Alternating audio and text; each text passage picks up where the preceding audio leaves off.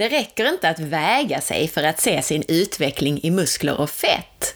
Ta reda på din kroppskomposition och din fettprocent för att se om du verkligen tappar fett och bygger muskler, och inte tvärtom. Inbody gör kroppskompositionsmätningar som dessutom mäter det inre fettet, visceralt fett. Under referenser på inbody.se hittar du de ställen som har Inbodys utrustning där du kan mäta din kroppskomposition. Stort tack till Inbody som gör det här avsnittet möjligt!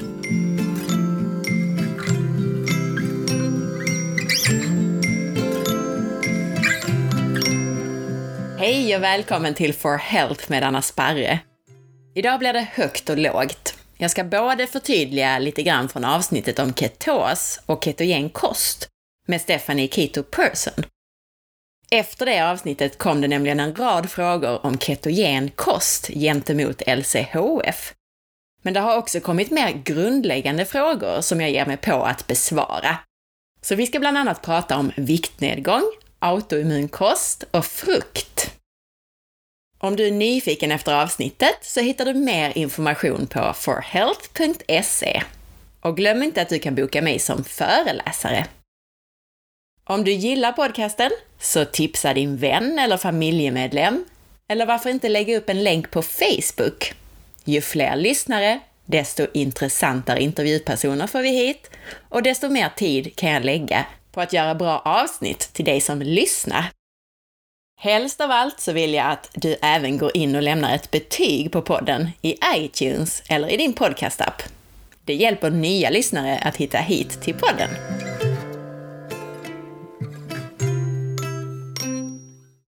Jag tänkte börja det här avsnittet med en lite längre recension från iTunes. Det var nämligen inte bara en recension, utan en hel berättelse som jag hoppas kan inspirera just dig som lyssnar nu. Simon Karlsson Alm skrev så här i iTunes. Du påverkar positivt. För drygt ett år sedan rekommenderade en kompis mig din podd. Det var med stor skepsis som jag tryckte på play-knappen. Idag har jag lyssnat på alla poddavsnitt.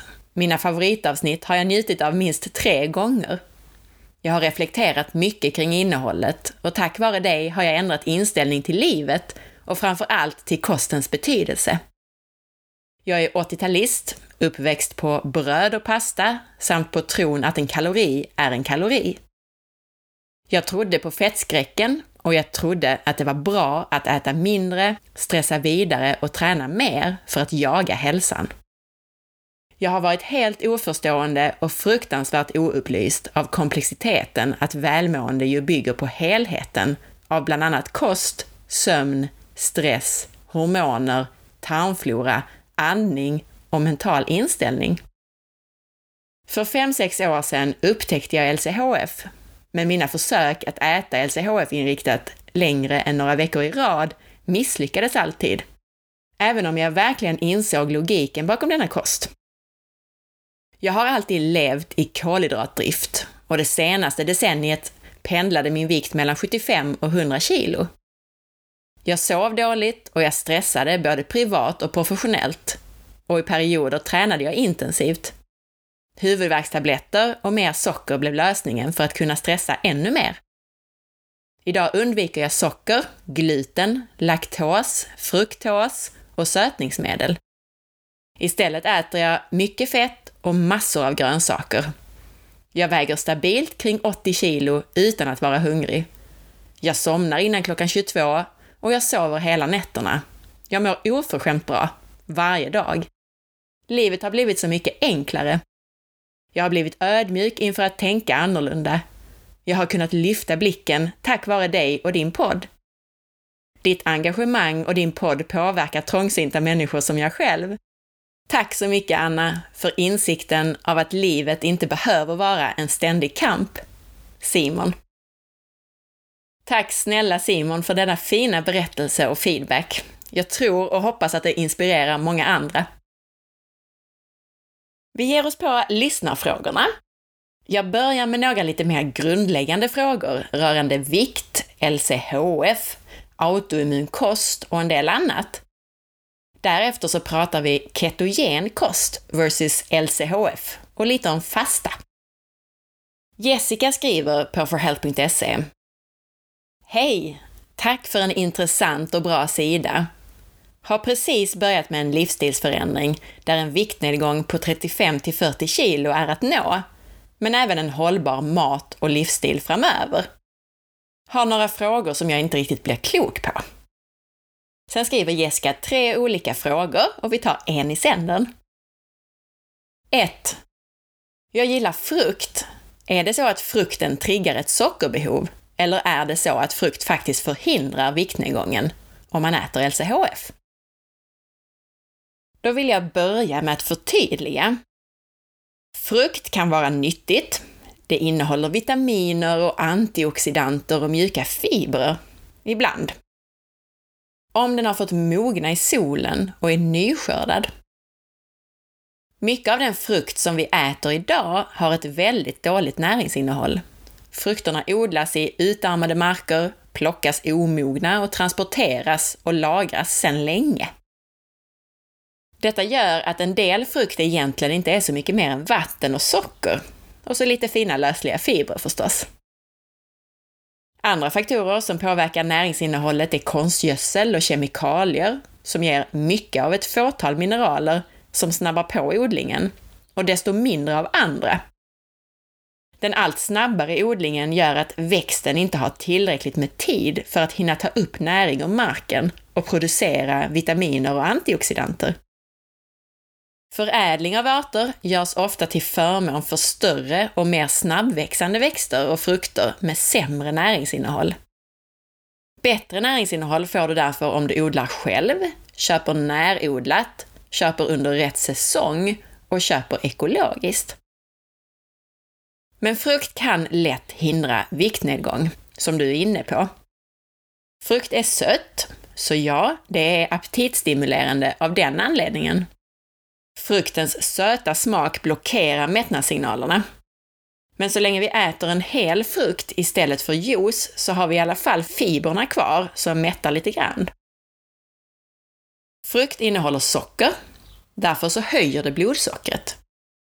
Vi stimulerar det fettinlagrande hormonet insulin, som dessutom stoppar din fettförbränning, genom att höja blodsockret. Men invänder någon då att frukt har ju ett lågt GI. Och det stämmer att sockerarten fruktos har ett lågt GI eftersom det måste göras om till glukos, blodsocker, i levern innan det kommer ut i blodet och påverkar blodsockernivån. GI-värdet uppmäts bara under en väldigt begränsad period på 120 minuter och därför så hinner man inte riktigt se effekten på blodsockret. Och det är till och med så att just fruktos, fruktsocker, är den mest fettinlagrande sockerarten och är också en sockerart som bidrar till fettlever. Den omsätts i levern på ett liknande sätt som alkohol gör. Och en annan sak, ställ dig frågan om frukterna ser likadana ut idag som de gjorde när du, din mamma eller mormor var liten? Nej, just det. Det gör de inte. De är både större och smakar sötare. Ett äpple som förr i tiden kanske innehöll 4 gram fruktos innehåller idag uppemot 20-25 gram fruktos. Därför att det är större och det är sötare. Man har tagit fram sorter som smakar sötare och som blir större helt enkelt. De flesta behöver inte utesluta frukt helt, men fem om dagen är väldigt mycket. Ät mycket grönsaker istället. Det innehåller samma nyttigheter, men mindre socker.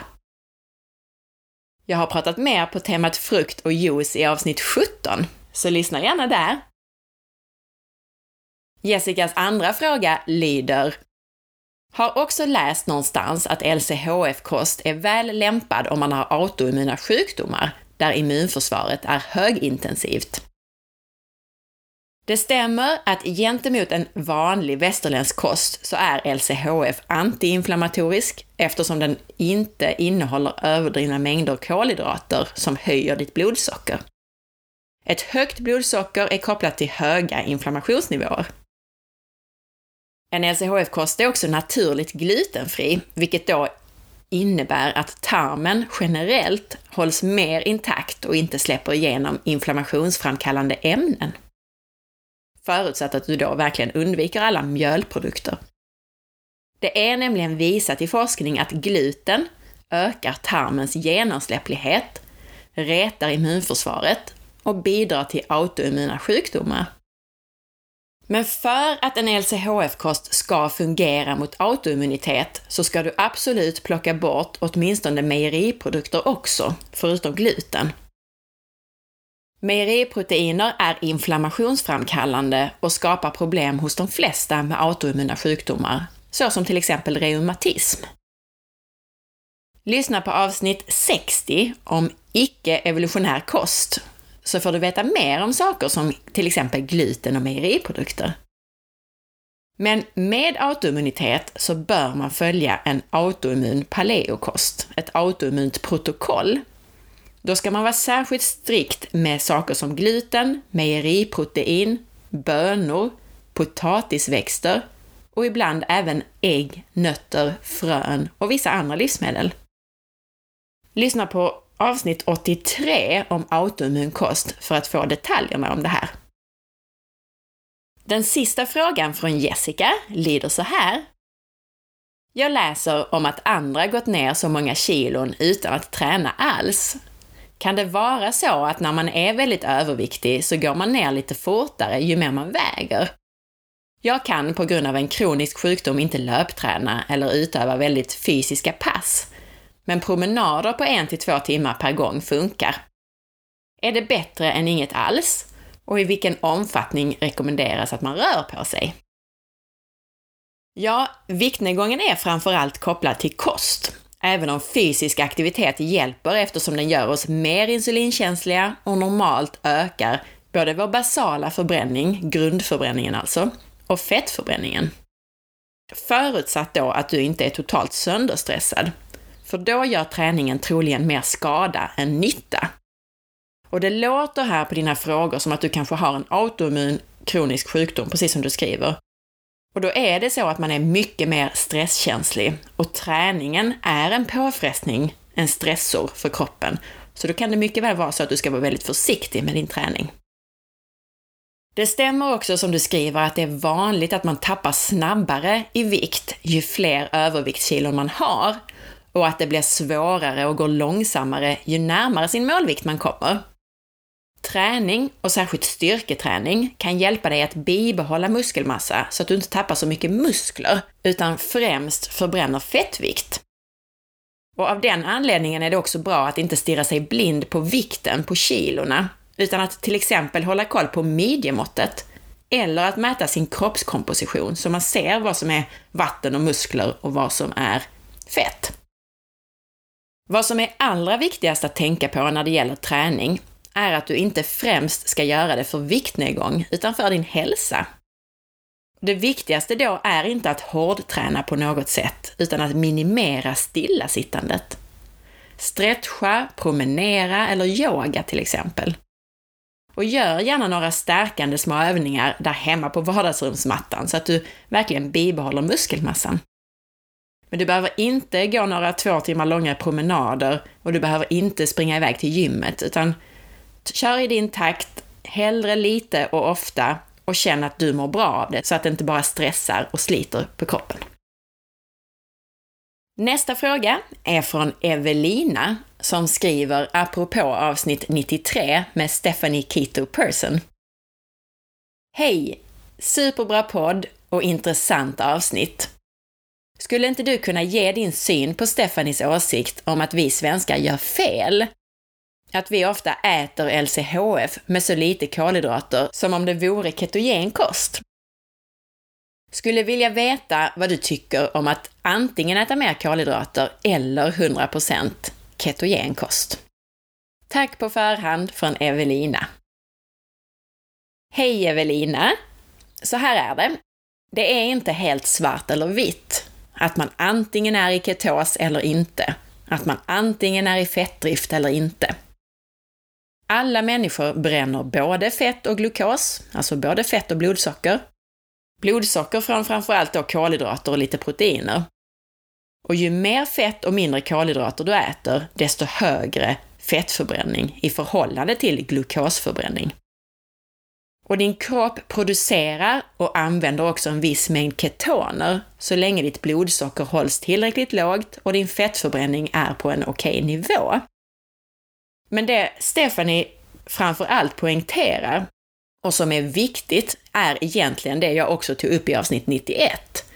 Vi kan i längden inte strypa både kolhydrater och äta för lite fett med bibehållen hälsa. Du får för lite energi för det första, vilket påverkar sköldkörtel, binjurar och även könshormoner. Och precis som Stephanie säger så är det framförallt hjärnan som måste kunna använda ketoner fullt ut om du ska strypa kolhydraterna helt. Hjärnan kan inte bränna fett, den kan bränna glukos eller ketoner. Och om du då inte har laddat på med fett eller verkligen kommit i optimal ketos på annat sätt, så kommer din hjärna att kräva att du bryter ner muskler och annat protein i kroppen för att bilda glukos. Även om du har en viss ketonproduktion och även om kroppen delvis kan använda de här ketonerna. Och ja, många gör just det felet som hon tog upp, att man äter för lite energi, det vill säga väldigt lite kolhydrater, under 20 gram per dag och samtidigt inte tillräckligt mycket fett. Och lyssnaren Maria E skriver vidare på samma tema. Jag skulle också vilja höra om din syn på det här med så lite kolhydrater. Jag har förstått på dig som att det inte är hälsosamt att strypa så mycket annat än i extremfall.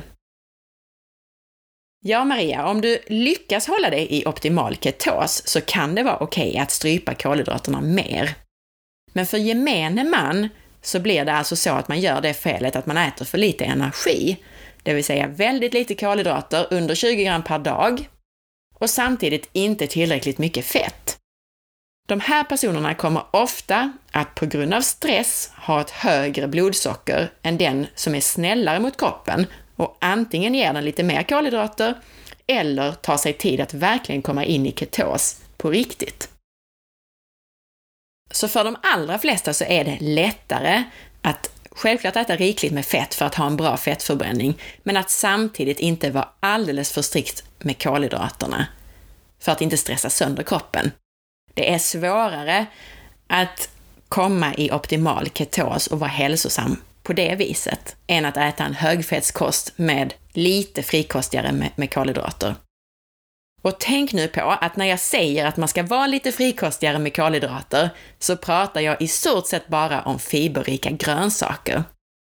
Och i detta vidare begrepp så inkluderar jag då även rotfrukter och man kan även lägga till lite nötter och bär som kolhydratkällor om man tycker att det passar.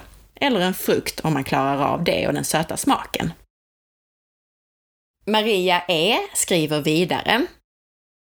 Och så undrar jag om man nu inte helt orkar med att hålla sig i ketos, men ändå mår bra av högfettskost, hur vet man då att man får i sig tillräckligt med kolhydrater? Hon sa ju att det var farligt att få cravings på LCHF eftersom det tyder på för lite energi till kroppen. Men jag får ju alltid cravings av kolhydrater, hur mycket jag än äter. Så hur vet jag att jag inte svälter mig? Tack för allt du gör, Anna. Jag håller precis på att få livet tillbaka. Mycket tack vare dig och all värdefull kunskap som du sprider. Tack snälla Maria för denna fina feedback och grattis till din förbättrade hälsa! Jag tycker mest att du ska kontrollräkna så att du inte svälter dig. Om kolhydrater ger dig cravings så ska du såklart undvika det. Men då är det viktigt att du får i dig tillräckligt med fett. De flesta känner att cravings försvinner om man verkligen öser på med fett vid varje måltid. Och livet är inte så svart eller vitt. Antingen får man sin energi från fett eller från lite mer kolhydrater och protein. Det är inte så att man antingen är i fettdrift och i ketos eller inte, utan det är en glidande skala. Och jag gav ett exempel i avsnitt 91 där jag faktiskt räknade kalorier. Så du kan testa det och bara kontrollräkna så att du får i dig tillräckligt mycket energi. Sen tvivlar jag på att du faktiskt får cravings från kolhydrater i form av till exempel kål. De flesta kolgrönsaker innehåller ungefär 4% kolhydrater Så ett kilo av det så är du redan uppe i 40 gram kolhydrater den dagen, som inte kommer att påverka ditt insulin, men som kan ge lite glukos till hjärnan i alla fall. Lägg till det lite andra grönsaker, kanske lite nötter och eventuellt någon rotfrukt om inte det ger dig cravings. Ytterligare en lyssnarfråga är från en annan Maria. Hej! Jag tyckte att det var intressant med Stefanis syn på att starta direkt med frukost för att inte belasta binjurarna. Vad är din reflektion på det? I förhållande till att vi egentligen är anpassade till att fasta? Om vi är anpassade till att fasta eller inte, det kanske var en, en årstidsberoende sak. Eh, för det mesta var det säkert så att vi var, ut, var tvungna att gå ut och leta mat först, men det, det kanske var så i vissa fall att vi gick ut och hämtade lite bär och nötter eller ett ägg. Och det gick ganska snabbt. Hur som helst, vi utgår ifrån att vi är anpassade till att fasta, men jag brukar faktiskt säga precis som Stephanie, om än med andra ord. Är man stressad och utbränd så ska man hoppa över att fasta. Hennes syn på det hela är att vi alla är stressade, vilket är väldigt nära sanningen. Vi lever i ett stresssamhälle. Och jag tycker inte att 16-8 fasta varje dag, alltså där man fastar under 16 timmar och sen äter under 8, vilket för de flesta innebär att man hoppar över frukosten. Jag tycker inte att det är en bra lösning för nästan någon. Det vill säga att hoppa över frukosten just varje dag. Vill man fasta så är det bättre att variera det mellan dagarna så att man chockar kroppen lite mer när man väl fastar. Istället för att hoppa över frukost varje dag och tära, tära, tära på kroppen, som det kanske kan bli då om du har en stressad kropp. Det värsta med att varje dag fasta lite grann är om man då konstant får i sig för lite energi, precis som jag nyss pratade om. För det kommer med stor sannolikhet att påverka din hälsa negativt. Så du som fastar och hoppar över frukosten, jätteviktigt att du sen bombar på med energi och framförallt fett resten av dagen.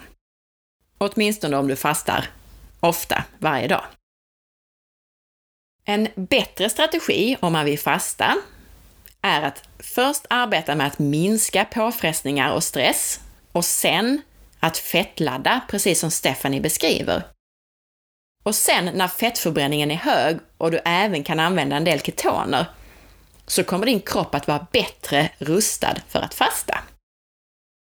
Lyssna gärna på avsnitt 49 om fasta också, om du tror att fasta kan vara något för dig. Jag hoppas att det här redde ut några frågetecken.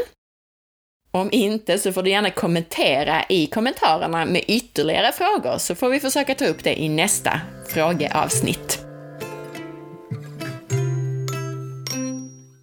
Tack för att du lyssnade idag och tack snälla ni för att ni är så engagerade och lyssnar och delar och skriver recensioner och lämnar betyg. Det hjälper verkligen enormt mycket. Missa inte att följa med på facebook.com forhealth.se. Du kan alltså gå in på Facebook och söka upp For Health och gå in där och gilla sidan. Och häng med på Instagram via signaturen A. Gå gärna in i iTunes och lämna betyg och recension. Och titta in på bloggen på forhealth.se och önska intervjupersoner eller ställ frågor som du vill att jag eller en intervjuperson besvarar i podden. Ha en underbar och solig dag. Hejdå!